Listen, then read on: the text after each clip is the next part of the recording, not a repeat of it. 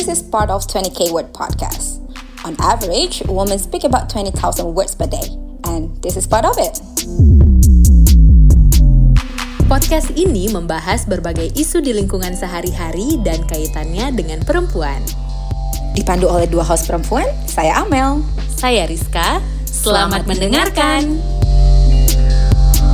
Uh, pagi ini, ini pagi kita nge-recordnya Kita udah berada di salah satu kantor Yaitu Kontras Aceh Mm-hmm. Karena hari ini di episode 9 Kita punya tamu spesial banget Yeay. Yang udah di samping kita Yaitu Kak Nana Hai, Halo, Kak Nana. halo, halo, halo Hai, Selamat hai. pagi Nana pagi-pagi. Sehat ya? sehat kali. Lemak di mana-mana. Bukan itu loh maksudnya Bu. Kita semangat banget eh, nggak tahu kenapa ya setiap kita ini kan guest ketiga kita ya bareng Kak Nana. Di awal kita punya perempuan hebat yaitu Dokter Muna. Kemudian kita di second guest kita kita punya Kak Ranitya Nurlita. which is wow she's amazing kayak gitu dan sekarang kita punya Kak Nana kalau aku Nggak nyebutnya Kak kalah amazing nggak kalah amazing kalau aku nyebutnya eh, kalau dulu kita punya Kartini kita punya cucunya Adina Kak Nana ini bagi aku meru- merupakan sosok ah, tokoh-tokoh pahlawan era modern kenapa kita bisa sebut seperti itu you gotta hear the story today. Yap. Tapi kayaknya lebih enak kalau Kak Nana sendiri yang ha- memperkenalkan diri kali ya, Iya. apa yang dilakukan selama ini, terus sibuknya sehari-hari eh, sekarang apa Kak? Silahkan. Terima kasih Nama kawan-kawan. juga sih. Iya, iya, Iya, terpaksa aku angkat ini ya begini. Pertama-tama em, makasih buat Amel dan Rizka yang udah ngundang aku ke podcast kalian yang luar biasa itu. Ya, belum apa-apa. belum udah dengerin belum bu Nah, semoga nanti dia seterusnya akan seperti insentif yang kita dengar setiap pagi gitu kan. Nah, kita ber- Jadi eh, aku Nana nama lengkapnya Azhar Lusna sekarang eh, berkhidmat di Kontras Aceh di divisi advokasi dan kampanye. Nah, em, sebelumnya aku di relawan perempuan untuk kemanusiaan. Nah, gitu. Ketika disebut pahlawan aku merasa langsung foto dipajang di dinding. Udah meninggal dunia. Bener bener lalu dengan tatapan mata yang kosong gitu kan karena nggak terbiasa di foto. Eh, apa ya tersanjung sekali dengan ucapan itu ya. Tapi juga kemudian jadi eh, beban untuk ya nggak ini nggak boleh berhenti nih kayaknya nih gitu kan. Eh, semoga jadi semangat lah. Eh, untuk doanya ku aminkan ya. Amin. Oke, em, tadi Kak Nana sempat ceritain eh, beberapa pekerjaan Kak Nana sekarang. Sebenarnya kalau ada orang nih yang kenal Kak Nana, Kak Nana lebih nyaman disebutnya sebagai pekerja sosial atau aktivis atau apa nih Kak? Hai, soal nyaman ya nyaman. panggil Nana aja ya. Aja, baik. Karena kalau disebut ya, pekerja sosial ketika disebut kerja, memang kata kerja ya artinya kita we do something kayak gitu. Tapi kalau disebut pekerja sosial, sebenarnya belum ada kata yang tepat untuk pekerjaan ini. Karena ketika dia disebut aktivisme, itu ya juga disebut kerja-kerja sosial itu juga, tapi juga kita enggak cuman uh, free gitu. Jadi juga kadang-kadang ada yang bisa kita kerjakan dan ada yang berbayar gitu. Jadi kalau aku tuh bingung karena belum ada satu uh, penamaan baku untuk pekerjaan ini gitu. Maka aku lebih suka disebut berkhidmat di ah, gitu. Karena yang paling penting buat aku bukan tempatnya. Kita bisa bekerja di mana aja, tapi keberpihakan itu loh. Issuesnya itu apa? Kayak aku nih sekarang di eh, kemanusiaan kan, isu-isu pemenuhan hak asasi manusia, utamanya ke korban pelanggaran HAM di masa lalu, gitu dan korban tindak kekerasan. Nah, isusnya itu. Jadi di mana pun berada, gitu, kalaupun nanti, ya kita nggak tahu di masa depan eh, itu tetap dipegang dan semua orang harusnya jadi eh, aktivis kemanusiaan, gitu. Uh, isu kekerasan ya kak. Kalau misalkan ya mungkin semua uh, pendengar tahu bahwa kita berasal dari Aceh dan hampir banyak di berbagai daerah di Indonesia itu mengalami banyak isu-isu tentang pelanggaran HAM. Bukan cuma di Indonesia pastinya, di seluruh dunia itu merupakan isu yang sangat seksi dan juga somehow sensitif untuk dibahas gitu. Nah, untuk Kak Nana sendiri nih sebagai seorang perempuan, apa sih yang memutuskan untuk akhirnya berkecimpung di dunia kemanusiaan dan juga khususnya di masalah pelanggaran terhadap HAM? Oke. Sebenarnya yang pertama soal issues uh, peace yaitu pengen hidup dalam damai. Kebetulan aku di waktu kecil itu sempat merasakanlah beberapa kali kontak senjata gitu. Jadi karena kampungku juga perang kan gitu. Tapi kalau kita mau runut-runut ke belakang ternyata kurun 1873 itu sejak Belanda declare untuk perang Aceh sampai 2005 itu cuma 18 tahun kita nggak meletus senjata. Bayangkan artinya ada PR besar nih. Ini kita nggak hitung yang sekarang ya. Ini kan udah 16 tahun. Kita punya PR besar untuk uh, menjaga peace ini. Masa lalu udah membuktikan ke kita bahwa potensi untuk terjadi lagi ada. So what should we do kayak gitu. Kalau misalnya kita ngelihat kita bisa proyeksi sesuatu karena cerita di masa lalu tentu kita akan berjaga-jaga kan.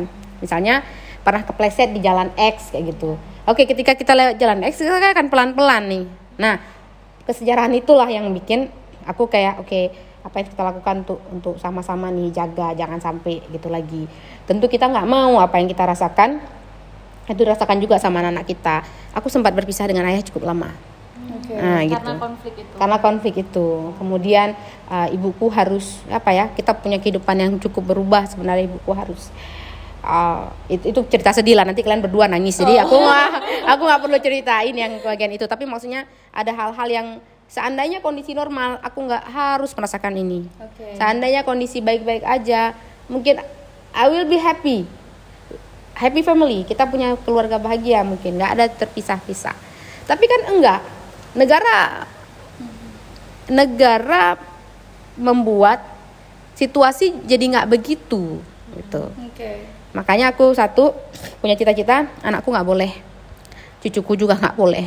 Dan siapa pun kurasa semua orang berdoa untuk supaya keluarganya, keturunannya nggak merasakan hal serupa satu. Yang kedua soal ketika perang terjadi itu kan selalu ada pelaku, ada korban atau dia berganti-ganti ketika pelaku jadi korban, korban jadi pelaku gitu-gitu. Tapi jangan lupa ada korban yang kadang-kadang sakitnya itu sampai berlapis-lapis gitu perempuan itu jadi korban pelanggaran HAM yang punya kesakitan ganda. Hmm. Kenapa gitu? Ketika perang terjadi, ya akan ada bermacam model penaklukan dilakukan oleh uh, pihak militer ya, yang sering kali itu menyasar perempuan, gitu. Karena per, pada perempuan itu dititipkan kehormatan, pada perempuan itu dititipkan um, apa namanya moral jadi kalau mau menghancurkan sebuah bangsa, hancurkan perempuannya. Kan gitu. Da dalam perang itu ada strategi begitu gitu. Jadi yang di yang yang dilecehkan, diperkosa, uh, di dihancurkan kehormatannya perempuan supaya apa ya? Supaya lemah bangsa itu. Oh, atas dasar apa kakak bilang uh, itu jadi strategi perang? Karena itu dilakukan di banyak negara, di banyak perang, di banyak tempat bahkan sebelum Aceh di Timur Leste juga pemerkosaan besar-besar ter, terjadi di sebuah lapangan. Yep. Jadi apa itu? Gitu. Itu apa? Dan itu dipakai lagi ke kita. Ada berapa banyak korban kekerasan seksual di Aceh itu. Itu satu. Ada luka yang nggak pernah dibuka ke permukaan. Lalu ketika uh, damai ini terjadi, kalau kita mau kembali ke storynya, mestinya pelaku merasa malu karena sudah melakukan kejahatan. Itu kan kejahatan luar biasa.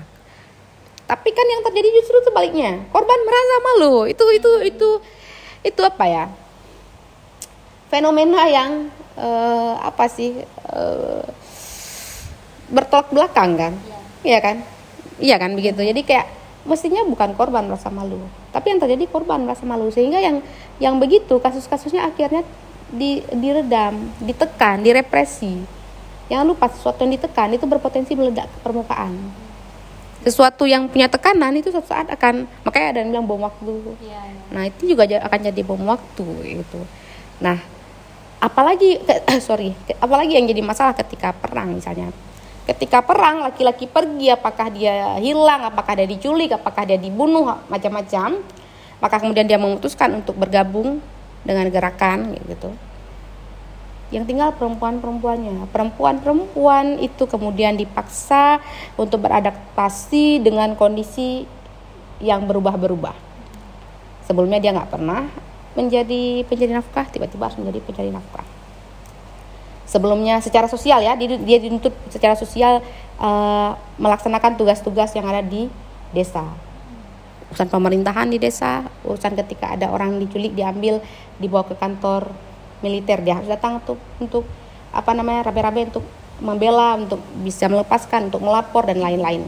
Secara sosial dia juga dipaksa kalau ada yang meninggal dan lain-lain karena tidak ada laki-laki harus menguburkan harus macam-macam. Itu paksaan secara sosial. Secara politik ya tadi. Kemudian dia mengisi ruang-ruang di kampung secara politik. Secara ekonomi dia terpaksa menjadi pencari nafkah tunggal gitu. Gitu. Jadi ada paksaan-paksaan. Dan perempuan beradaptasi dengan itu. Berubah dia. Berubah diri kan.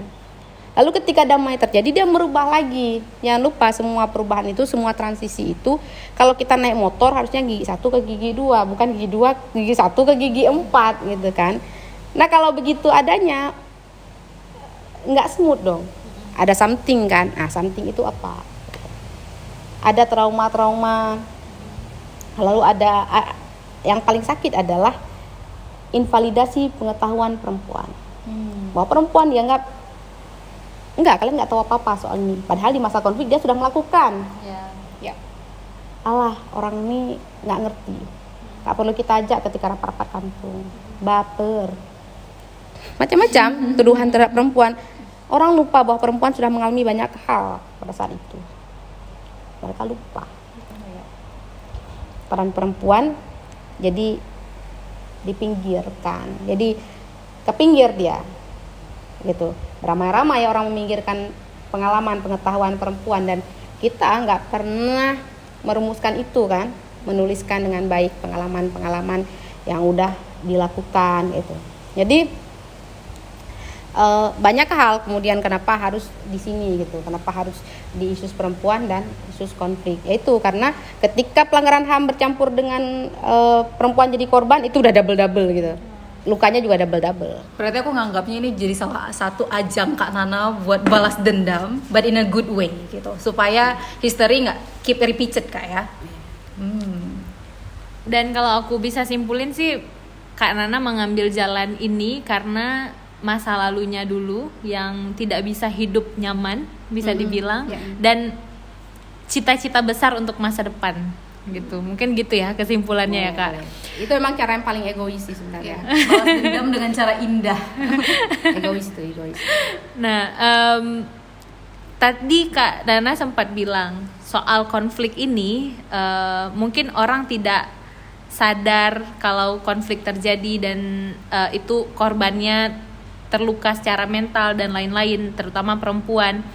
Kalau aku sendiri ngelihatnya bukannya orang tidak sadar mungkin ada sebagian besar orang yang sadar yang tidak sadar atau ada juga sebagian besar lain yang tidak tahu kak. Hmm. contoh ya kami yang tinggal mungkin di daerah sekitar Banda Aceh saat konflik dulu tidak terlalu merasakan konflik itu.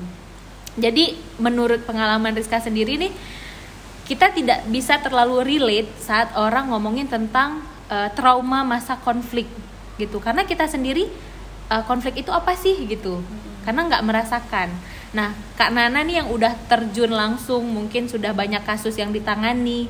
Boleh nggak Kak cerita sedikit tentang masalah-masalah uh, atau konflik-konflik yang sempat terjadi dulu yang kakak tangani permasalahannya sampai sekarang atau yang sangat membekas di kakak yang sepertinya menurut kakak ini harus diketahui orang gitu yang seperti Rizka ya hmm. yang sepertinya nggak punya akses untuk bisa tahu itu gitu kalau nggak diceritakan sama orang-orang yang sudah terlibat langsung di lapangan. Oke, okay. sebenarnya hmm, aku pun karena waktu itu masih kecil nggak tahu juga hmm. gitu. Yang kita tahu bahkan Oke, okay, kalau udah ada letusan senjata nggak sekolah, ya yeah, senang ya, gitu. Senang ya, senang, senang, senang. Walaupun sekarang merasa bersalah gitu kan. Tapi ya itu kita nggak tahu betul apa yang sebenarnya terjadi gitu. Kalau eh, seperti yang Rizka sampaikan betul akan sulit sekali untuk relate. Maka poin-poin edukasi itu penting sekali. Uh, apa ya pemerintah harusnya mengambil peran ini untuk mengedukasi seluruh masyarakat Aceh supaya mengerti bahwa perang itu mengakibatkan banyak hal yang buruk-buruk sehingga penting buat kita semua untuk prevent untuk cegah itu dengan banyak cara ya kan? Pendidikan pendidikan damai itu harusnya jadi program tiap tahun menurutku itu nah terus pada satu ketika eh, waktu aku kerja sebagai relawan perempuan di Nisa Mantara kecamatan Nisa Mantara kampungnya nggak usah aku sebutin ya gitu. Aku juga ditabrak oleh satu realitas begini. Ada satu ibu-ibu yang suaminya sebenarnya udah nggak ada lagi. Awalnya hilang suaminya. Lalu dia kini meninggal dunia ya. Tapi si ibu setiap hari raya itu tetap menyiapkan pakaian di tempat tidur. Oh, aku merinding tiba-tiba. Aku kayak udah tahu alur ini bakal ke mana. setiap hari raya Iya. Lalu aku tanya, kenapa gitu kan? Ya karena di hati kecil dia, dia bilang jangan-jangan suaminya itu pergi merantau ke Malaysia. Aku relate ya orang Aceh banyak ya di Malaysia gitu. Oke, jangan-jangan nanti waktu hari raya pulang. Tapi ini kan udah belasan tahun ya. Cuman aku nggak bilang aja bu ini udah belasan tahun. Kalau dia mau pulang, dia pasti akan pulang. Tapi aku nggak bilang gitu. Jadi I, I keep it for myself. Lalu bahasa Aceh kalian ngerti? Ngerti. Lalu dia bilang ini, anak lung pegah, lung pungu. Dia bilang, anak saya bilang saya gila. Tapi kan dia pergi ke ke pengajian desa, dia pergi kalau ada pesta atau kenduri kampung dia datang. He's not gila, ya. She's not gila. Jadi kayak bukan ODGJ dia ini, gitu kan? Dengan gangguan jiwa ya kali, tapi tapi dia nggak gila dalam bagian itu aja yang terganggu. aku awal-awal dipukul sama kenyataan ini. Ini what happened sebenarnya gitu kan. Kukira aku kayak jangan-jangan Nana nggak mengerti cinta yang yang hilang ini kan suaminya gitu kan. Sehingga ya dia berharap suaminya tetap hidup. Dia tiba-tiba mendapati kenyataan bahwa suami- suaminya hilang dia nggak bisa terima aja. Tapi aku kayak mungkin kalau orang mencintai begini ya gitu. Awalnya aku berpikir begitu tapi ternyata makin kemari setelah aku mengerti ternyata bukan begitu. Benar dia tiba-tiba mendapati kenyataan bahwa orang yang dia cintai hilang, nggak ada lagi. Tapi kemudian mungkin dia udah nggak sanggup hidup lagi, sehingga dia butuh menciptakan realitas baru, kenyataan baru bahwa enggak loh, suamimu cuma pergi sebentar, nanti dia hatinya. supaya dia bisa hidup. Karena kalau dia dapati kenyataan bahwa suaminya udah mati, atau suaminya hilang, itu dia mungkin nggak bisa lagi hidup besok, gitu. Jadi Nah, seberapa banyak orang yang menciptakan realitas-realitas dalam pikirannya, dalam dirinya hanya untuk hidup besok. Dan aku mendapati waktu itu ada lebih dari sembilan orang yang melakukan hal yang mirip-mirip dengan cerita berbeda, perempuan. Dan itu di daerah yang sama. Ya, jadi aku belum ke daerah lain gitu. Itu masih satu daerah. Masih ya. satu daerah, sehingga aku berpikir memang banyak rupanya. Terus apa yang kita buat dengan dengan kondisi kayak gini gitu.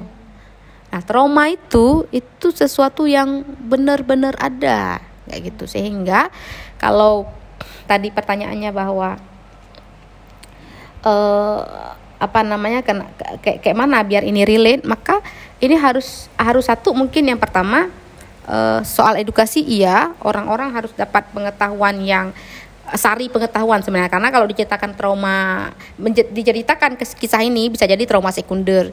Itu juga bahaya kan nggak nggak baik gitu. Orang akan merasa ngeri lalu nggak mau justru nggak mau tahu ah nggak mau tahu ah ngeri gitu. Itu juga nggak baik. Sehingga harus disaring dulu harus difilter dulu sebenarnya gitu. Untuk edukasi gitu. Tapi yang yang nggak kalah penting adalah eh, pemulihan untuk korban-korban ini. Supaya apa? Supaya ini nggak jadi apa ya masalah di kemudian hari kayak mana orang menjalani kehidupannya dengan baik? Karena ka- kalau kalau di dalam dirinya itu ada ada bagian yang rusak ada bagian yang sakit. Kayak kita sakit kepala tapi kita paksa untuk mikir atau kita paksa untuk bekerja itu nggak bisa. Ya harus sembuhkan diri sendiri dulu. Emangnya orang bisa? Enggak jadi butuh bantuan. Nah itu dia. Apakah pemulihan itu dilakukan? Itu PR besarnya mestinya itu. Kalau kita mau bilang kita mau Aceh ini jadi baik maka diobatin dulu dong kayak gitu ini nah proses obat-obati ini yang nggak berjalan itu yang terus kita minta-minta gitu. Nah, kontras Aceh kan tiap tiap waktu misalnya jangan lupa korban konflik. Orang mungkin akan bilang ini apaan sih kontras kontras Aceh ah, sih bicara masa lalu nggak move on kalian ini. Orang udah baik-baik aja. No, orang nggak baik-baik aja. Terlihat baik-baik aja dengan baik-baik aja beneran itu beda gitu. Iya kan? Iya dia pergi kenduri kok. Iya dia pergi pengajian. Apa dia baik-baik aja? Enggak, tiap lebaran siapa yang tahu? Gitu. No one knows. Kayak gitu. Bahkan anak sendiri bilang dia gila gitu. Jadi salah kalau bilang Aceh udah baik-baik aja. Bener baik-baik aja. Kita tanya lagi kan itu. Makanya ketika kita bicara masa lalu itu nggak nggak sesimpel yang cuman pemenuhan hak yang sifatnya fisik aja. Bukan bukan cuman itu. Pemulihan itu bukan cuman rumah atau apa yang diambil saat itu dia harus kembali ke kondisi yang paling nggak mirip dengan kondisi awal. Termasuk jiwa itu itu yang paling perlu disembuhkan juga sih gitu. Itu bikin ngingetin aku sama sebuah cerita sih kak. Maksudnya yang disebut dengan penyembuhan kadang-kadang orang berpikirnya itu memang harus ada treatment khusus segala macam. Kadang-kadang nggak perlu yang kayak gitu cuman sekedar memvalidasi bahwa kekerasan itu terjadi dan kami adalah korban itu suatu perasaan yang cukup melegakan bagi para korban itu sendiri sih ya karena itu bikin ngingetin aku sama kisah salah satu perempuan di um, Korea uh, waktu itu ketika konflik antara Jepang dan Korea gitu. Jadi si perempuan ini dari umur 14 tahun diculik oleh tentara Jepang, Jepang dan sampai umurnya 24 tahun dia menjadi um, pelayan budak seksual para tentara-tentara Jepang itu. Jadi sampai sekarang sih uh, kebetulan beberapa tahun yang lalu beliau baru meninggal, tapi selama masa hidupnya yang dia tuntut. tuntut adalah pengakuan permintaan maaf oleh tentara-tentara ini bahwa ini memang terjadi dan bahwa saya adalah seorang korban di sini. Dan bahwa banyak perempuan-perempuan lain yang ketika masa perang yang diperlakukan hal yang sama. Dan kami tidak butuh uang jaminan apa pun. Kami hanya butuh pengakuan bahwa itu salah, itu salah dan kami butuh permintaan maaf. -hmm aku merinding ketika nonton do, uh, dokumenter itu. Dan waktu itu uh, dia sempat si nenek ini sempat berjuang. Aku lupa kalau nggak salah namanya no Naomi something. Uh, mungkin teman-teman bisa cek di YouTube uh, karena memang itu dokumenternya sempat viral waktu itu. Dia sempat berjuang dengan beberapa perempuan-perempuan nenek-nenek lainnya yang dulunya bekerja atau dipaksa bekerja sebagai pekerja seks atau budak seks istilahnya. Dalam satu hari dia bisa memuaskan nafsu ratusan pria. Bayangkan aja gitu. Dan akhirnya teman-temannya gugur meninggal satu persatu. Di akhir hayat dia harus berjuang sendiri hanya untuk meminta permintaan maaf dari para pemerintah bahwa itu terjadi gitu. Itu hal yang sama terjadi di kita sebenarnya. Orang harus mengetahui bisa gini kita nggak tahu tiba-tiba kita dipukul kita nggak tahu tiba-tiba kita disiksa kita nggak tahu gitu kan. Tapi kenapa? Itu kan jadi pertanyaan besar buat kita. Uang kita hilang aja kita kan kayak mana nih uang nih? Dan terus-terusan berpikir. Apalagi kalau keluarga kita hilang dan kita terus-terusan berpikir gitu. Nah untuk kondisi yang kita nggak tahu kenapa inilah kita meminta negara untuk bertanggung jawab meminta maaf bahwa mengakui juga ya mengakui dan meminta maaf. Ketika minta maaf kan orang udah ngakui bahwa dia ya. salah gitu. Ngakuin dan meminta maaf bahwa mereka sudah melakukan pelanggaran HAM ke masyarakat Aceh. Tapi itu kan tidak tidak terjadi ya gitu. Dengan berapa cara gitu supaya dia supaya dia tidak berulang tentu saja ada dua ada dua cara satu pengadilan. Sehingga orang nggak berpikir orang harusnya berpikir-pikir ketika dia mau melakukan itu lagi ke di masa depan pengadilan. Yang kedua kita punya KKR Komisi Kebenaran dan Rekonsiliasi yang kanunnya itu kanun nomor 17 tahun 2013 gitu. Tahun 2013 sudah ada kanunnya tapi e, lembaga ini baru ada komisionernya itu di akhir 2016 jadi mereka mulai bekerja 2017 gitu. Dan ini baru aja selesai masa masa periode periode satu kalinya gitu ya. Nah, Komisi Kebenaran dan Rekonsiliasi ini sesuai namanya gitu, Komisi Kebenaran ya kan. Dia mengungkapkan kebenaran. Versi siapa? Ya? Versi korban. Ya, ya. Jadi korban e, dimintai pernyataannya apa yang terjadi terhadap Anda, bla bla bla bla. Ada juga pengungkapan kebenaran di depan e, publik tapi tertutup ya, tertutup dan terbatas kayak gitu. Uh, lalu uh, dan rekomendasi rekomendasi untuk apa? Untuk uh, apa yang apa yang dihancurkan apa yang dihilangkan dalam kehidupan dia. Maka dibuat rekomendasi untuk diperbaiki. Misalnya waktu itu dia uh, kehilangan harta benda misalnya. Maka direkomendasikan untuk kau kembalikan lah. Ya gitu. Dia dia pemerintah juga. Dan ada satu lagi dia eh, apa namanya kasih rekomendasi reparasi juga. Jadi selain rekomendasi eh, reparasi dia juga kasih rekonsiliasi jadi artinya apa Eh, rekomendasi reparasi orang harus eh, repa- repair ya ada perbaikan. Heeh. perbaiki kan bukan cuma fisik tapi juga mental. Jadi kalau orang ada kebutuhan untuk disembuhkan segera, nah itu berarti ke rumah sakit gitu. Jadi jadi ada ada itu tuh, ada ada ada rekomendasi itu. Juga rekonsiliasi juga. Jadi ada permohonan maaf. Jadi ada permintaan maaf antara korban dan pelaku. Nah itu. Jadi ada dua cara. Satu lagi pengadilan. Nah masing-masing tentu ada ada plus minus dan juga ada eh, apa namanya syarat-syarat khususnya sendiri. Misalnya untuk pelanggaran HAM berat itu nggak nggak melalui KKR, tapi melalui pengadilan. Tapi untuk apa? Kedua mekanisme ini untuk apa gitu? Dibuat supaya enggak berulang. Orang memang kadang-kadang harus dibuat orang kan kepuasan orang beda-beda. Kalau kita mau pakai eh, piramida Maslow misalnya, yang paling aku karena bukan anak psikologi ya, tapi aku sempat lihat piramida Maslow. Kan piramida Maslow itu tentang piramida kebutuhan manusia. Di tataran yang paling bawah itu memang soal-soal yang sifatnya fisiologis, ya, sandang, pangan, pakaian, ya hal-hal yang begitulah fisik. Tapi di paling atas itu soal eksistensi manusia, soal pengakuan bahwa kau tuh manusia bermartabat. Kan itu juga sebenarnya sedang disasar oleh hak asasi manusia bahwa engkau tuh manusia bermartabat, hidup dengan bermartabat. Itu bukan cuma hidup, kalau hidup pohon juga hidup, Iya. ayam juga hidup gitu. Jadi, tapi engkau nih hidup dengan bermartabat. Makanya negara kemudian kan menjanjikan kita untuk apa? Kasih sarana prasarana pendidikan, kasih pendidikan yang layak, kehidupan yang layak, pekerjaan yang layak. Kan itu janji negara. Dan semua hasil alam ini air, bumi, semua isi isi di dalamnya air, ya semua tambang, udara itu kan dipakai untuk kesejahteraan rakyat. Kan itu janjinya. Apakah janji itu dipenuhi? Itu seperti janji-janji politisi akhirnya janji ketika sebelum terpilih, ketika terpilih ya begitulah. manis ya Oke, em, mendengar obrolan kita dari tadi tuh kayaknya eh, pekerjaan Kak Nana ini bisa dibilang agak sedikit em, menakutkan kayak. menguras emosi iya iya iya benar-benar. Eh, sepertinya banyak sekali tantangan-tantangan yang dihadapi terlebih Kak Nana sendiri memperjuangkan hak perempuan dan Kak Nana adalah perempuan. Kami pengen tahu nih Kak, apa yang selama ini Kakak hadapi di lapangan gitu, kesulitan-kesulitannya, pengalaman-pengalaman yang eh, sepertinya menjadi challenge besar gitu dalam menangani atau bekerja di eh, ranah ini. Oke. Makasih Rizka. Hmm, challenge-nya banyak sebenarnya ya. Eh, kita kan menangani ya kita kita kerja untuk kasus pelanggaran HAM di masa lalu, sedang bekerja untuk kasus kekerasan yang terjadi di masa konflik ternyata berlapis dengan kekerasan yang terjadi di masa kini. Sehingga eh, berlapis-lapis kekerasan itu. Jadi kayak kulit bawang itu ya baru bukaan pertama. Ini kita kita mau masuk ke intinya nih. Bisa kita ke, ke dalam gitu. Tapi baru buka pertama itu udah keluar air mata. Buka kedua udah keluar air mata gitu kan. Jadi memang apa ya perempuan itu di, kayak dilapisi oleh kesakitan-kesakitan gitu ya. Berlapis-lapis gitu. Bayangkan aja misalnya ada satu eh kok kira bicara kasus mulu mulu gitu kan.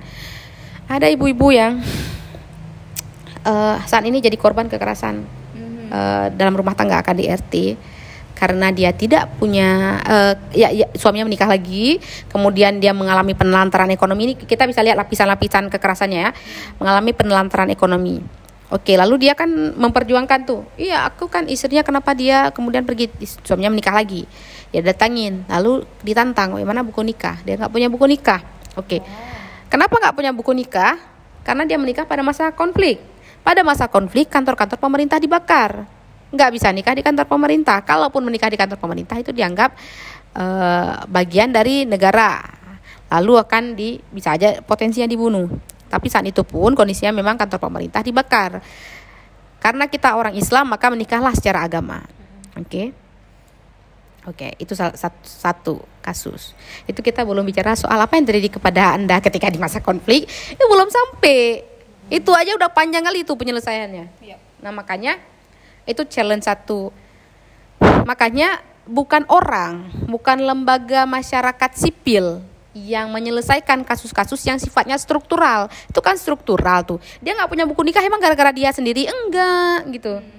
Ya karena kondisi saat itu. Kondisi saat itu siapa yang buat? Emang dia buat sendiri? Enggak. Kan pemerintah gitu kan. Negara kalau nggak perang kan kita juga senang hati ke KUA gratis lagi. Kan nol rupiah ya menikah di KUA gitu kan jadi maksudnya itu kekerasan atau dampak karena pelanggaran HAM di masa lalu yang terjadi karena struktural mestinya diselesaikan secara struktural juga. Makanya negara harusnya intervensi ini gitu.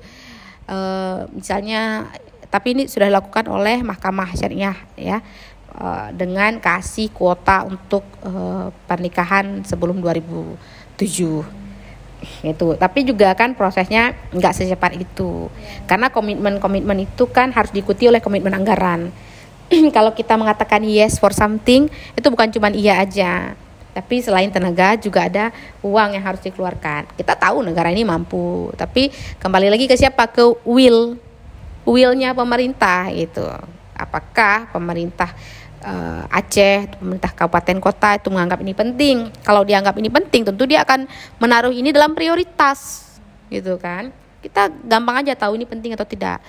You will put in priority kayak gitu. Nah, itu satu. Lalu ini lagi soal yang tadi trauma misalnya. Apakah mereka meletakkan ini dalam prioritas kayak gitu. Makanya permasalahan-permasalahan itu baik sekali kalau datang dari bawah dia bottom up kan kayak gitu. Nah, untuk kebijakan dia dari atas ke bawah cepet gitu kayak buku nikah tadi. Nah, itu satu. Yang kedua karena ternyata setelah uh, konflik pun kan ada pemulihan-pemulihan yang enggak yang enggak terjadi juga ada bagian yang kosong-kosong. Perempuan tetap jadi kepala rumah tangga, gitu kan? Ada challenge ketika kita datang, ketika kita ngobrol. Challenge, challenge siapa? Orang masih uh, apa namanya bekerja dua, tiga, empat kali lipat, gitu, ya gitu. Jadi dia nggak mungkin nggak sempat berpikir, nggak sempat tahu bahwa ada sesuatu yang salah nih. Nah kayak gitu. Fokusnya cuma kayak memenuhi kebutuhan, kebutuhan dasar hari, oh, hari ini aja kayak gitu. Ada yang salah termasuk kayak soal mental tadi kayaknya aku udah sakit. Karena kebanyakan lagi di lapangan perempuan satu melakukan kekerasan ke perempuan yang lainnya. Iya gitu jadi kayak ya itu ya berkelindan tadi udah berpalit-palit gitu kan? Itu itu dua. Yang ketiga ketika perempuan bekerja untuk satu isu sebenarnya sangat sebenarnya rentan juga. Kalau rekan-rekan di sekitarnya itu nggak cukup aware. Okay. ya nah sebenarnya nggak apa-apa relasi perempuan dengan laki-laki. Bisa bisa ngerjain banyak hal juga yang baik-baik gitu. Tapi jangan lupa apa ya relasi kuasa juga berpeluang untuk menciptakan ruang-ruang kekerasan di dalamnya. Termasuk seperti yang kawan-kawan ketahui kekerasan seksual. Nah, makanya jangan heran kalau di banyak pekerjaan bahkan jurnalis perempuan itu juga jadi korban kekerasan seksual oleh atasannya atau oleh seniornya. Karena apa relasi kuasa? Nggak apa-apa relasi kuasa itu nggak nggak terhindarkan dalam kehidupan kita. Atasan, bawahan, dosen, mahasiswa, eh, bos, ya kan, staff, semualah. Kemudian atau orang yang pintar dan orang yang ya mungkin ya orang yang menguasai informasi dengan orang yang tidak itu kan kuasa atau orang yang cinta itu juga relasi kuasa kan atau satu ras dianggap lebih baik daripada ras yang lain jadi ada ada relasi-relasi itu mungkin nggak nggak terhindarkan bahwa banyak hal yang berbeda di antara kita tapi sebenarnya nggak apa-apa Kenapa emang kalau dia putih saya hitam nggak apa-apa? Kenapa emang kalau saya hanyalah uh, staff dia bos nggak apa-apa? Kalau misalnya saya mencintai dia gitu, kan nggak apa-apa sebenarnya. Yang jadi apa-apa ketika relasi itu menjadikan satu pihak zolim ke pihak yang lain. Apakah semua pihak menyadari bahwa ini zolim? Itu lagi standar moral kita ada nggak gitu. Nah, ketika perempuan bekerja itu rentan sekali jadi korban kekerasan seksual. Satu, yang kedua karena dianggap lebih lemah, kan kita sering kali dianggap subordinasinya laki-laki nih, hmm. di bawahnya laki-laki gitu. Sering diintimidasi. Nah, ketika aku bekerja dulu sebagai relawan, aku beberapa kali diintimidasi oleh laki-laki. Contohnya tuh kak, gimana bentuk intimidasinya? Ya kalau kau lewat jalan situ, kau hati-hati aja. Oh, Wadaw. Ancaman. Ancaman. Ya, itu ya. Cuman bahasanya kan nggak pakai kok gitu ya, tapi bahasa kitanya gitu belehen-lehen itu kadang-kadang dia nggak panjangin tuh cuman belehen-lehen aja tapi kan kita udah maknai oke kalau kalau jangan situ berarti kau harus hati-hati kalau kau belehen-lehen itu banyak sekali gitu bagi mungkin teman-teman yang non Aceh ini belhen-hen itu artinya hati-hati ya. Iya, Which is cuma satu kata Satu tapi kata. maknanya itu banyak. penuh ancaman. Penuh ancaman. Jadi kayak hmm, emang kamu buat apa di sana? Gitu. Oh aku aku jelasin dong. Aku cuman ini kan gabung sama ibu-ibu bla bla bla. Oh gitu. Oh jangan buat-buat kacau ya. Ah, gitu kan. Hati-hati. Tapi kan kita nggak nggak mungkin tuh kayak itu kayak kayak kayak aku bilang ke saya hati-hati ya kak. Itu kan beda maknanya beda. Makanya aku bilang kalau ka- hanya kita tulis kata-kata orang bilang hati-hati mungkin orang akan baca ya itu kan yang nyatin kamu bahwa kamu harus hati-hati. No. Itu Nah, ancaman. Itu ancaman itu ancaman gitu. Dan mungkin case-nya akan berbeda dan cara pengucapannya akan berbeda jika Kak Nana ini bukan perempuan ya Kak ya? Bisa jadi. Ka- kalau aku laki-laki yang yang aku di situ berpikir kalau aku laki-laki apakah aku akan dapat pengancaman? Iya, benar. maybe not. Karena temanku yang laki-laki itu tidak diancam. Karena kami waktu itu berdua kan eh, bekerjanya gitu. Kita bagi-bagi tugas waktu itu. Jadi meskipun di relawan perempuan ada laki-lakinya juga gitu. A- aku tanya bang abang dapat ini enggak kayak gitu. Enggak gitu. Oh kalau aku laki-laki maybe aku nggak dapat. Iya wow. Dan dan lain-lain dan lain-lain. Kalau aku jadi tantar kalian nggak ada yang mau kerja begini. By the way, karena tadi Rizka punya sedikit masalah perduniaan, jadi dia harus ninggalin kita. But then again, we still have Kak Nana here dan masih ada aku Amel di sini buat kita lanjutin obrolan bareng Kak Nana. Tadi Kak Nana uh, sempat nyinggung beberapa hal masalah kekerasan seksual di masa konflik, beberapa isu-isu perempuan di masa konflik. Nah, tapi sekarang Amel penasaran Kak, ini kan kita udah 2021 nih, bentar lagi 2022. Sebenarnya untuk jadi mungkin kita nggak tahu seberapa krusialnya suatu, suatu isu itu kalau kita nggak tahu gambaran case-nya itu seperti apa gitu. Mungkin kalau cuman ibaratnya sebuah buku kalau cuman titiknya cuman satu oh ini nggak kelihatan kok. Tapi sebenarnya kalau misalkan udah tulisannya udah banyak dan kita udah melihat titik-titik itu kita tahu oh ini kertas ini udah kotor gitu. Jadi kan dengan tahu itu untuk tahu itu kita butuh data nih. Kira-kira di sekarang ini di masa era modern ini kasus kekerasan seksual itu sendiri pada perempuan ya khususnya dan juga mungkin pada anak gambarannya seperti apa mungkin di Aceh dan mungkin gambarannya komparasinya untuk data nasional itu seperti apa kak? Makasih Mel karena untuk angka ya agak-agak kesulitan. Tadi sebenarnya kalau kita balik ke belakang aku sempat bilang bahwa eh, ada banyak sekali kekerasan seksual yang ditujukan kepada perempuan pada masa konflik, pada masa perang gitu kan. Em, apakah berhenti setelah damai gitu? Enggak ternyata itu. Jadi kekerasan seksual itu adalah kejahatan luar biasa karena dia menghancurkan manusia bukan cuma secara fisik tapi juga secara mental. Makanya martabat kita emang dihancurkan habis-habisan. Bicara soal banyak ya, sebenarnya satu pun itu sebuah tragedi. Satu, kalau ada satu aja kasus kekerasan seksual itu sudah tragedi. Bagaimana bisa bangsa yang bangsa senebe heterung dunia ini, bangsa yang bermartabat ini, bangsa yang katanya menganut syariat Islam ini, ya, itu me- memperlakukan perempuan seperti itu, gitu ya. Itu satu. Tapi tapi kemudian kita berefleksi, ternyata apa yang kemudian mampu menahan orang untuk tidak melakukan kekerasan seksual? Itu kan jadi refleksi kita. Karena ternyata agama saja tidak mampu menahan iya lalu apa gitu kan itu satu. Yang kedua bicara soal eh, case-case. Ada banyak sekali eh, kekerasan seksual yang terjadi bentuk dan jenisnya beragam-agam bermacam-macam. Bahkan pada masa konflik itu sampai ada perbudakan seksual seperti yang tadi Amel sempat sampaikan cerita seorang seorang ibu Korea yang diperkosa oleh eh, diperbudak oleh tentara Jepang. Itu juga terjadi di Aceh. Perbudakan seksual itu terjadi.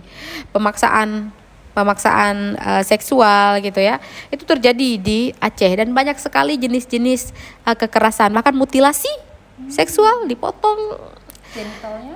genital payudara ada yang dipotong payudaranya begitu dan sangat kejam gitu ya Dan kekeras itu terjadi di masa sekarang. di masa konflik Di masa konflik, ya oke.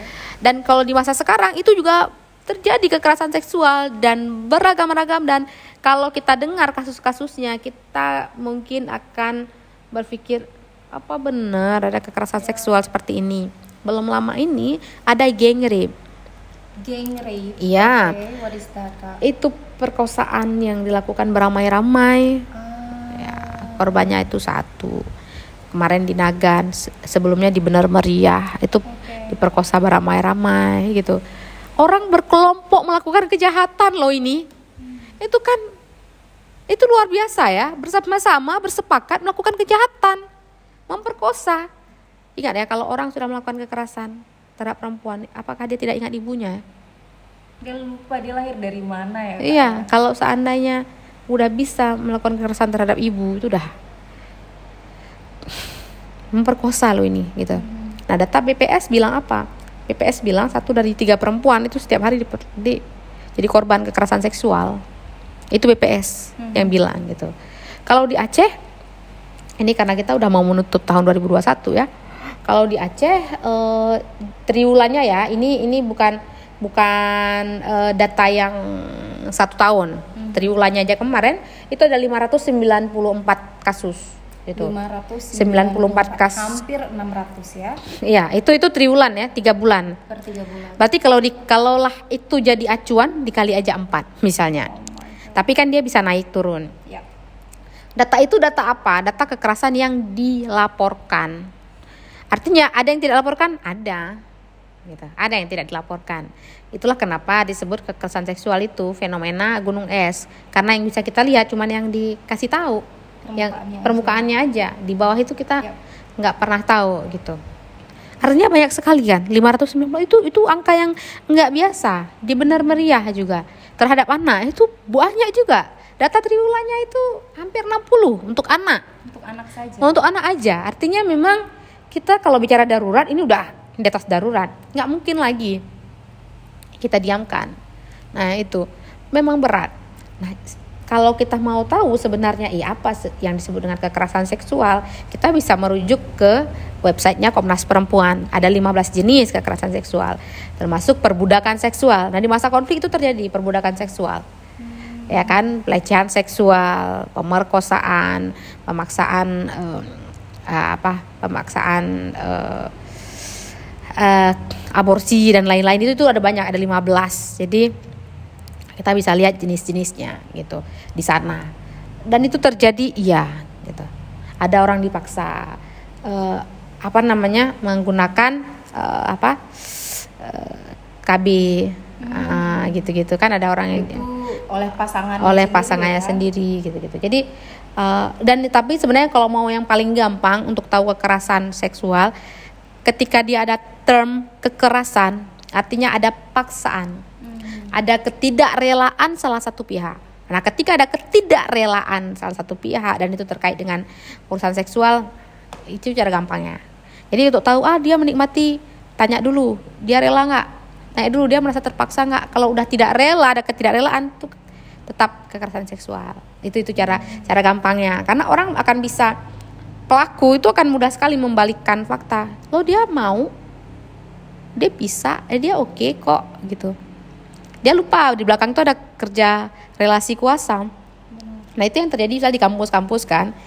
Dosen menggunakan bahwa ini nilai akhir untuk bisa melakukan pelecehan itu ke mahasiswa. akhir-akhir ini ya kayak. Gitu kan ke mahasiswinya. Terus dosen ya pelakunya bisa bergilah kayak dia mau kok dia oke aja saya grepe-grepe misalnya.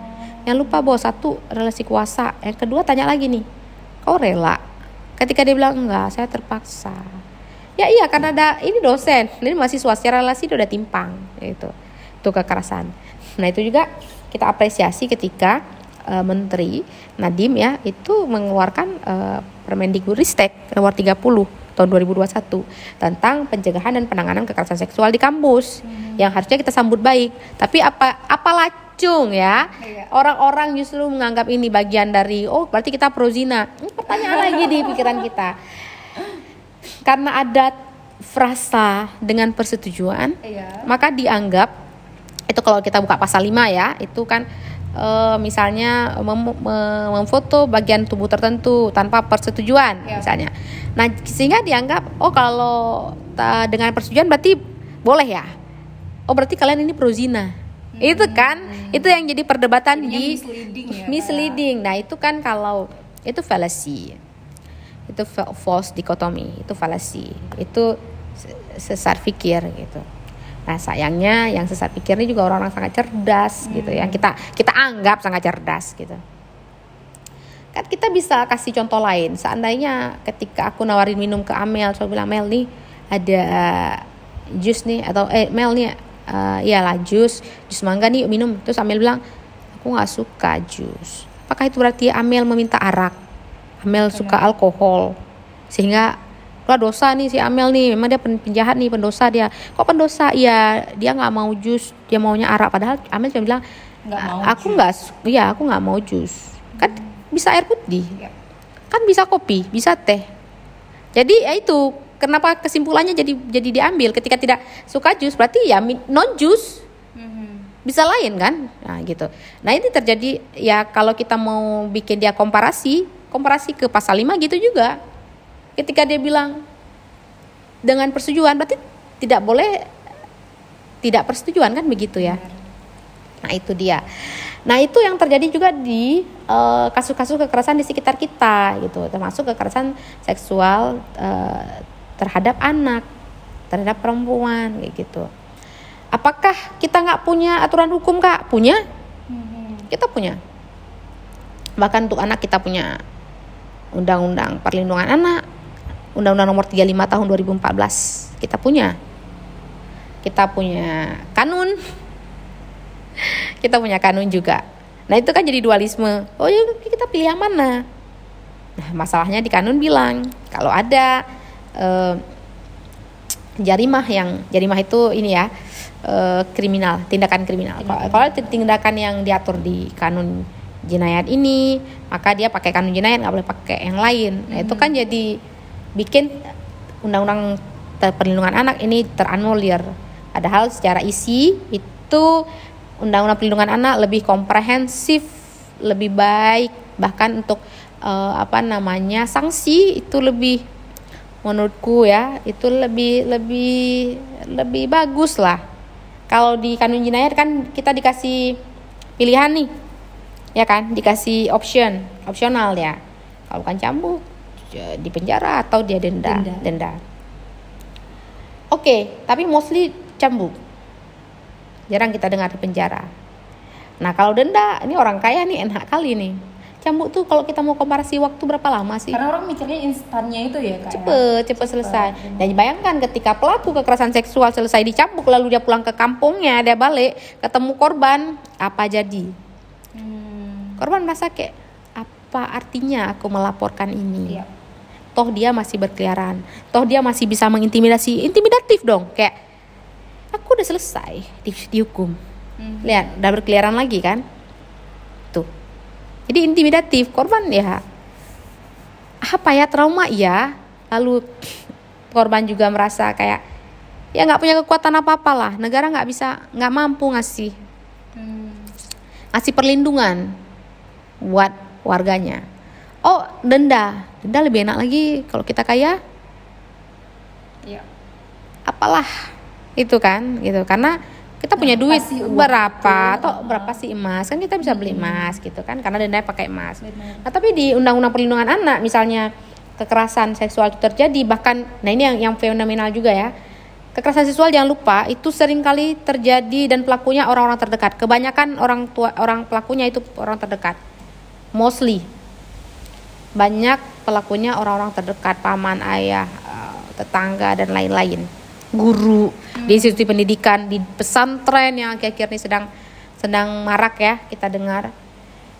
Nah lalu kalau kanun jinayat gimana ngaturnya? Ya nggak ada pembedaan hukuman. Tapi di undang-undang perlindungan anak misalnya itu ada pembedaan hukuman. Ada tambahan sepertiga untuk orang-orang harusnya melindungi tapi jadi pelaku. Itu satu. Jadi memang itulah kenapa kita sekarang sedang advokasi revisi kanun jinayat berupa pencabutan dua pasal terkait pelecehan seksual dan pemerkosaan terhadap anak. Karena kita menganggap ada undang-undang yang lebih baik untuk itu. Untuk apa kita minta? Ya tentu saja supaya anak-anak Aceh itu terhindar. Itu kan uca- usa- usaha ya pencegahan gitu ya upaya kita pencegahan supaya anak Aceh itu nggak jadi korban lagi kekerasan seksual. Dan kalaupun jadi korban itu apa ya punya pengadilan yang pantas layak ya itu satu. Lalu gimana dengan kekerasan seksual terhadap perempuan? Kekerasan terhadap perempuan. Nah kita belum punya undang-undang yang cukup baik mengatur itu. Yang sedang digodok sekarang ada RUU TPKS di nasional yang masih masuk prolegnas lagi udah dari 2016 prolegnas melulu sampai 2021 bahkan kemarin nggak jadi ya. Jadi dia over lagi ke 2022 kita nggak tahu sampai kapan.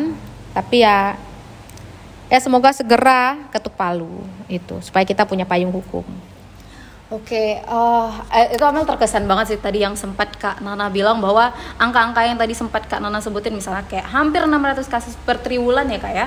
Per berarti artinya tiga bulan. Iya. Itu kalau angka tahunan bisa dikali empat aja berarti. kalau mau gampangnya Ah, ah, standarnya walaupun dia kan naik turun naik ya turun kayak benar tapi in general ya tapi kan itu balik lagi yang kayak sempat kan Nana bilang bahwa itu case nya adalah yang kayak iceberg aja yang terlaporkan orang biasa dan biasanya orang melaporkan ketika mereka sudah physically harm. Se- dari segi fisik sudah mulai tersakiti kayak gitu. Orang-orang bahkan kayak bahkan Amel sendiri sebagai perempuan pernah berap, eh, ada di kondisi ketika uh, ditreat oleh beberapa lelaki dan Amel merasa sangat tidak nyaman bahkan pernah takut ke kantor hanya untuk menghindari orang-orang seperti ini gitu. Itu kan hal-hal yang tidak terlihat secara fisik tapi kan mentally harm someone kayak gitu kan. Dan itu menurut Amel itu masuk ke dalam kategori pelecehan seksual gitu. Nah banyak orang yang nggak nggak paham atau mungkin Kak Nana bisa kasih contoh nggak sih? Orang nggak melaporkan me- karena mereka nggak tahu oh ini tuh masuk pelecehan loh Mel. Ini seksual harassment kayak gitu. Orang nggak berani melaporkan karena nganggapnya mungkin aku aja yang ngerasa kayak gitu atau ini apa sih? Kok aku ngerasa nggak nyaman? Tapi dia juga nggak pegang-pegang aku gitu. Tapi menurut Kak Nana gimana sih? Apa-apa aja yang eh, jenis-jenis pelecehan seksual yang mungkin physically not harmful tapi mentally harmful kayak gitu. Iya.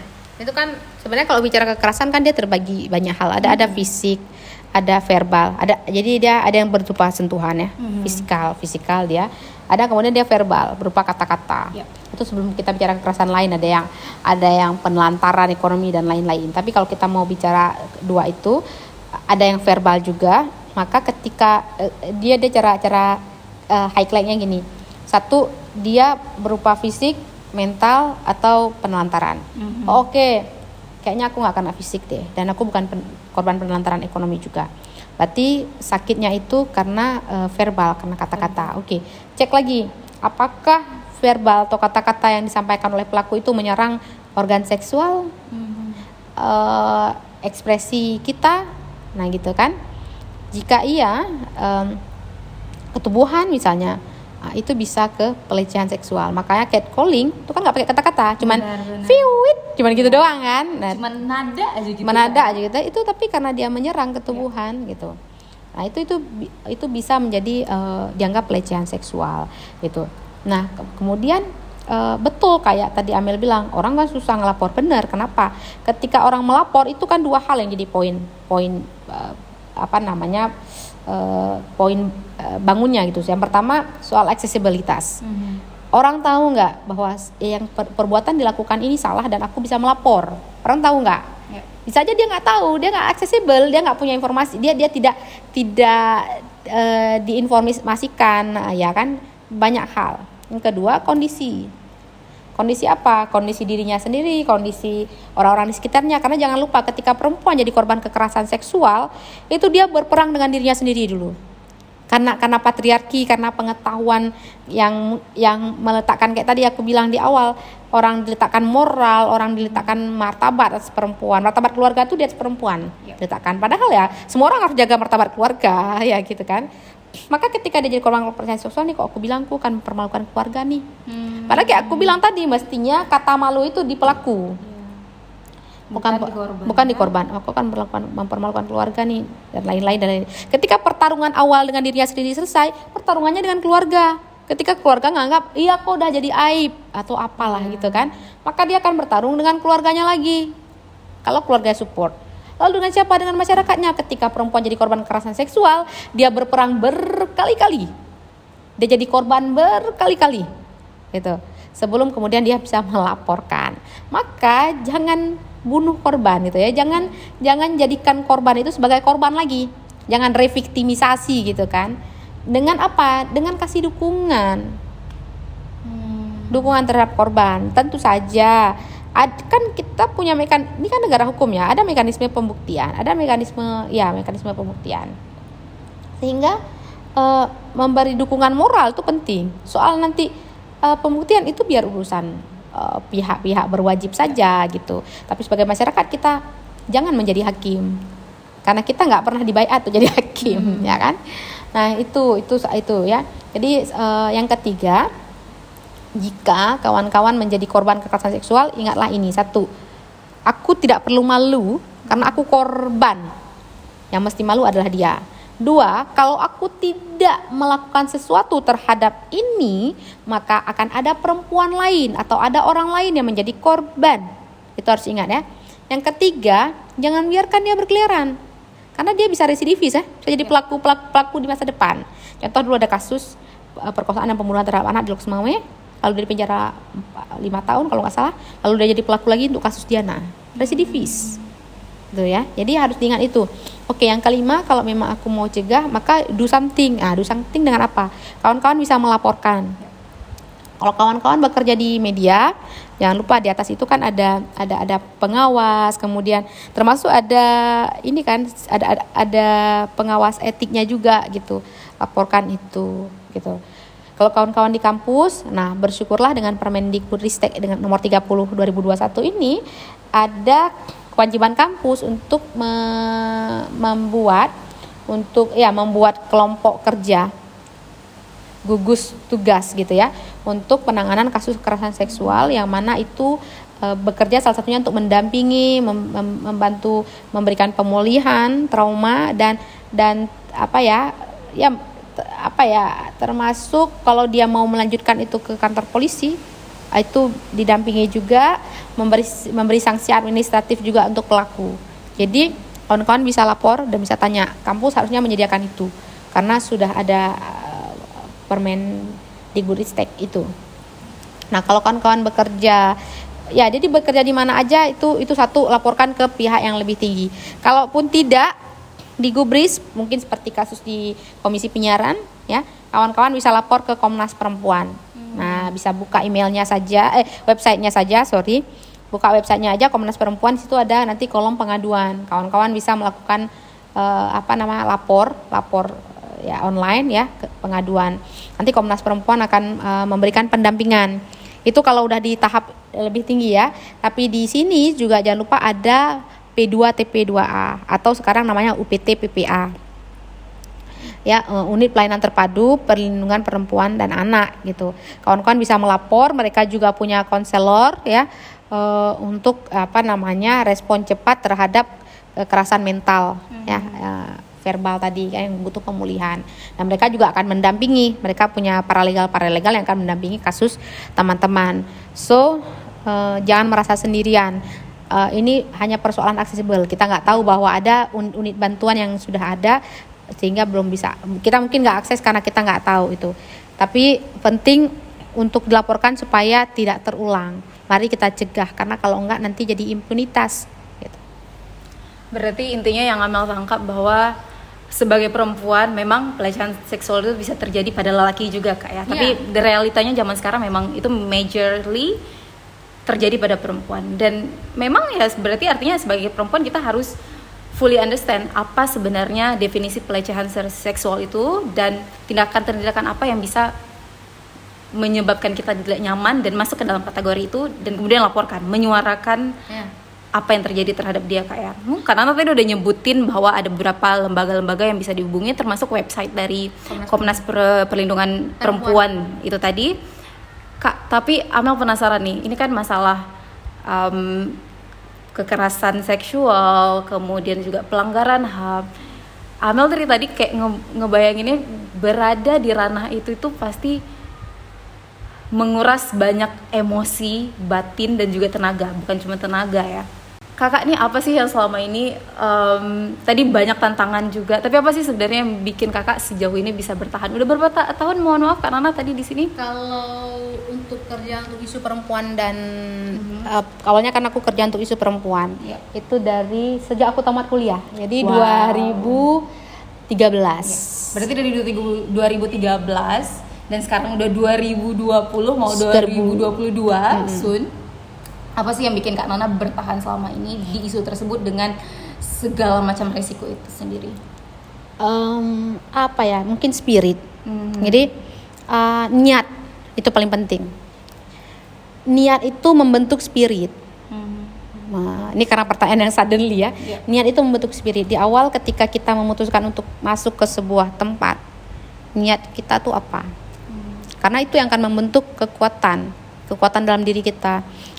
Apa ya? em, apa yang membuat orang Aceh itu bertahan, berjuang melawan tiran sekian lama, berabad-abad? Karena spiritnya itu bukan bukan untuk eh, sesuatu yang nilainya materi, bukan. Karena ini kezoliman, ini kejahatan yang harus dicegah. Kan cegahlah kejahatan dengan tanganmu, kan? Gitu kan? Artinya disuruh cegah dengan kekuatan ap- kekuatan apa yang kita punya, gitu. Oh kekuatan berpikir, maka dengan berpikir, gitu. Oh kalau bagi hakim dia kekuatan tuh ada di ujung palunya dengan palunya. Cegahlah kejahatan dengan tanganmu, artinya dengan power gitu. Itu yang membentuk spirit. Oke ini ini jahat, ini nggak betul, maka harus cegah dengan cara apa? Nah itu itu itu spiritnya. Niat awalnya begitu. Oke ini nggak boleh terjadi lagi di masa depan, maka harus kayak mana? Nah itu kan spiritnya dari situ. Karena ka- nggak kalau kalaulah orang berperang gitu ya menggunakan spirit yang nilainya uang itu nggak lama. Itu dikasih aja uang, selesai. Oh, hanya jabatan, selesai. Tapi kalau tiran sampai kejahatan itu selesai, baru dia berhenti. Kalau sampai mati baru selesai, maka sampai mati. Itu kan? Se, se- itu itu. Jadi apa ya bensinnya beda. Gitu. Kalau cuman mau ke pasar Aceh, ngapain ngisi 20 liter? Yang ngisi seliter aja cukup. 7.000 rupiah. Ya kan? Tapi karena kita ini perjalanan tanpa batas ke ujung dunia, kita nggak tahu sampai kapan, maka kita siapin dong tangkinya. Itu itu kan beda. Nah itu spirit satu. Kedua apa ya? Ada satu ayat Al-Quran yang bilang kayak gini. ehm, Allah kan menciptakan eh, kita itu eh, untuk mencegah gitu kan. A- Ada eh, ada kelompok-kelompok yang mencegah kejahatan. Nah, menurutku organisasi masyarakat sipil adalah kelompok-kelompok yang yang itu yang disebutkan dalam Al-Qur'an itu. Jadi bekerja bekerja sebenarnya di mana pun ketika dia mencegah tiran itu itu adalah kelompok-kelompok yang disebutkan oleh Tuhan dalam ayat Al-Qur'an kayak gitu. Kalau kalaulah kita nggak ngambil peran ini, terus siapa? Karena kita emang nggak nggak bisa hidup dalam kondisi kondisi yang kacau balau. Kalau aku bilang ini soal panggilan hati ya, panggilan jiwa. Dan semoga nah, karena manusia itu sifatnya baharu kan. Hari ini bilang merah, besok bisa bilang biru gitu kan. Dan semoga apa namanya? semangat yang sama itu terus ada di hati aku sampai mati. Dan kebetulan yang yang yang aku syukuri adalah kebetulan eh, ini bisa nggak ya kita sebut di podcast? Pacarku juga eh, bekerja eh, dia dia jurnalis dan kita punya kesamaan cara pikir soal ini. Dia juga nulis kasus-kasus yang nggak banyak diangkat oleh jurnalis yang lain. Itu satu bikin aku yang merasa kayak oh god, dia dia kita kita punya Spirit yang sama. Ya, spirit yang sama. Termasuk menulis soal-soal ke kasus kekerasan seksual. Dan dia nulisnya cukup bagus. Nanti aku bisa kirim beberapa link untuk Amel, ya kan? Nah, eh, aku bilang ke dia bahwa apa yang kita kerjakan hari ini bukan untuk kita, bukan untuk aku, bukan untuk kamu, tapi untuk anak-anak kita nanti. So, eh, nah itu yang bikin kita lama gitu ya, lama Sustainable ya. Eh, semangatnya tapi sustainable gitu. Dan aku kira ya makasih eh, punya pasangan yang mendukung apa yang kita lakukan itu satu berkat juga. And I feel blessing gitu. Itu privilege ya kak ya. Privilege kali ya. Wow, jadi emang beneran ya, nggak salah kalau misalkan aku nyebutnya bahwa Kak Nana ini cuknya Adin era modern. Salah satu cuknya Adin era modern. Aduh harus diaminkan itu cucunya dia luar biasa karena jadi doa ya kak ya. Tapi gini kak, eh, dari cerita yang tadi aku tangkap dengan posisi kak Nana sebagai perempuan, aku punya satu pertanyaan ekstra. Aku nggak masukin tadi ke dalam list pertanyaan yang aku kirimin ke kak Nana, tapi ini karena aku mau kak Nana menjawab secara spontan. Semacam quick fire questions gitu. Tapi aku mau Kak Nana menyambung kalimat ini gitu. Siap Kak Nana? Kita coba. Kita coba. Oke, tolong sambung kalimat ini. Menjadi perempuan itu artinya Siap dengan segala konsekuensi ya. Siap untuk apa namanya melihat perubahan-perubahan yang ada di masyarakat gitu. Tapi jangan lupa menjadi perempuan itu satu kebanggaan karena hampir semua semesta itu disandarkan pada perempuan. Ya, ingat akar katanya ya. Perempuan itu akar katanya empu, pemilik gitu. Ingat juga bahwa kita memiliki diri kita sendiri. So jangan biarkan kita dipolitisasi oleh orang lain. Ingat bahwa kita memiliki tanah ini. Jadi menjaga bumi itu bagian juga tanggung jawab kita. Tanggung jawab semua tapi ya. Lalu ingat juga bahwa anak-anak yang lahir dari rahim kita itu tuh yang penting juga buat dijaga. Ya, jadi perempuan itu satu kebanggaan. Being strong is proud gitu. Jadi jadi kuat itu kayak satu keharusan ya. aku ngerasa empowered. Thank you Kak Nana untuk inspirasinya hari ini. Terima kasih banyak untuk cerita-ceritanya dan pastinya listener yang mendengarkan podcast kita kali ini ngerasain kenapa aku bulu kuduknya bangun terus dari tadi gitu. Disuruh tidur. Disuruh tidur ya. Oke, thank you so much Kak Nana for joining our podcast and thank you for a listener for listening to our podcast this episode and see you next episode. See you. Bye. Terima kasih sudah mendengarkan Part of 20K Word Podcast episode kali ini. Reminder, karena kita bukanlah expert dari topik yang sudah dibahas, yuk jadi smart listener dengan baca dan dengar lagi dari sumber lainnya sebelum mengambil kesimpulan dari pembahasan hari ini.